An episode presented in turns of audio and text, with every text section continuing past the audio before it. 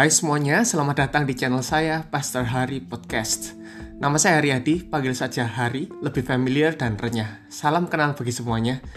Jadi brosis di mana pun kalian berada, izinkan hari ini saya berbagi dengan kalian sebuah ayat dari Matius 19 ayat 22 yang berbunyi, Ketika orang muda itu mendengar perkataan itu, pergilah ia dengan sedih, sebab banyak hartanya. Gelasmu kosong, setengah penuh, atau penuh? Ini pertanyaan yang akan membuka jalan pemikiran hari ini. Kita semua tahu kisah dari cuplikan ayat di atas. Ibaratnya haus, pemuda yang kaya ini datang kepada Yesus merasa membawa gelas kosong yang ingin diisi dan ingin segera minum. Dia bertanya, Guru, perbuatan baik apakah yang harus kuperbuat untuk memperoleh hidup yang kekal? Itu ada di ayat 16. Dan Yesus sebagai sumber air hidup tentunya dengan senang hati mau melakukannya, mau memberikan air yang dia inginkan. Tapi tiba-tiba ketika Yesus siap mengisi gelasnya dengan kekayaan dan kemurnian airnya, si pemuda mengeluarkan gelas lain dan mengatakan bahwa gelasnya sudah penuh. Begini katanya, semuanya itulah keturuti, apalagi yang masih kurang. Dengan kata lain, si pemuda sedang menyatakan kalau itu sih sudah kuisikan di gelasku, bahkan sudah penuh isi gelasku. Proses di mana pun kalian berada, saat kita datang pada Tuhan dengan gelas kosong, yakinlah dia pasti mengisinya. Bahkan sekalipun gelas kita setengah terisi, dia masih akan mengisi hingga penuh. Dan bahkan, saat kita merasa gelas kita sudah penuh, dia pun masih dapat mengisinya dengan air yang lebih baru, yang tentunya lebih bersih dan menyegarkan. Nah, buat yang belum tahu, proses di mana pun kalian berada, saya, saya ini penggemar kopi. Selama di musim COVID-19 tinggal di rumah ini, uh, tentunya saya minum kopi buatan sendiri, kopi tubruk gitulah.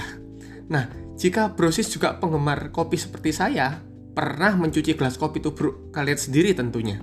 Taulah, kopi tubruk itu menyisakan letak atau ampas yang mengendap di bawah.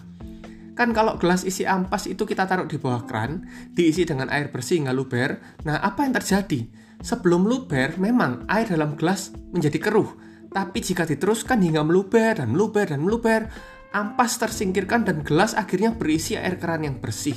Nah, Mungkin pemuda kaya tadi merasa gelasnya terisi penuh oleh kopi. Eh, jangan salah, kopi itu enak, tapi kopi bukan sumber kehidupan.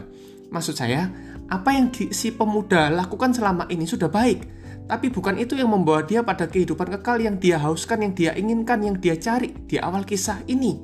Kita semua harus mau diajar untuk memperoleh apa yang kita rindukan dan lebih penting lagi, apa yang Yesus kehendaki.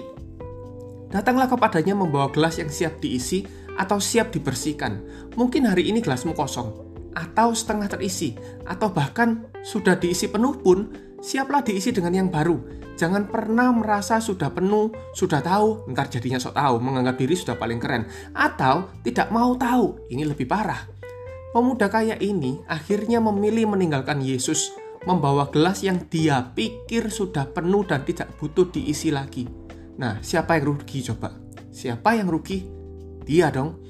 Mungkinkah kita seperti pemuda ini? Balik lagi ke pertanyaan awal saya. Gelasmu kosong, setengah penuh, atau penuh? Hanya kalian yang tahu jawabnya dan tahu apa yang harus dilakukan. Nah, untuk mengakhiri ini, izinkan saya berdoa buat kalian, brosis di mana pun kalian berada. Kita akan berdoa sama-sama. Tuhan Yesus, Engkau Tuhan yang berkuasa, sumber dari segala sumber bahkan segalanya yang kami perlukan. Pimpin kami dengan hikmatmu, penuhi kami dengan apa yang menjadi kerinduanmu atas kami. Berkati Tuhan setiap mereka hari ini yang mendengar, penuhi gelas mereka agar mereka berjalan sesuai kehendakmu. Dalam nama Yesus, amin.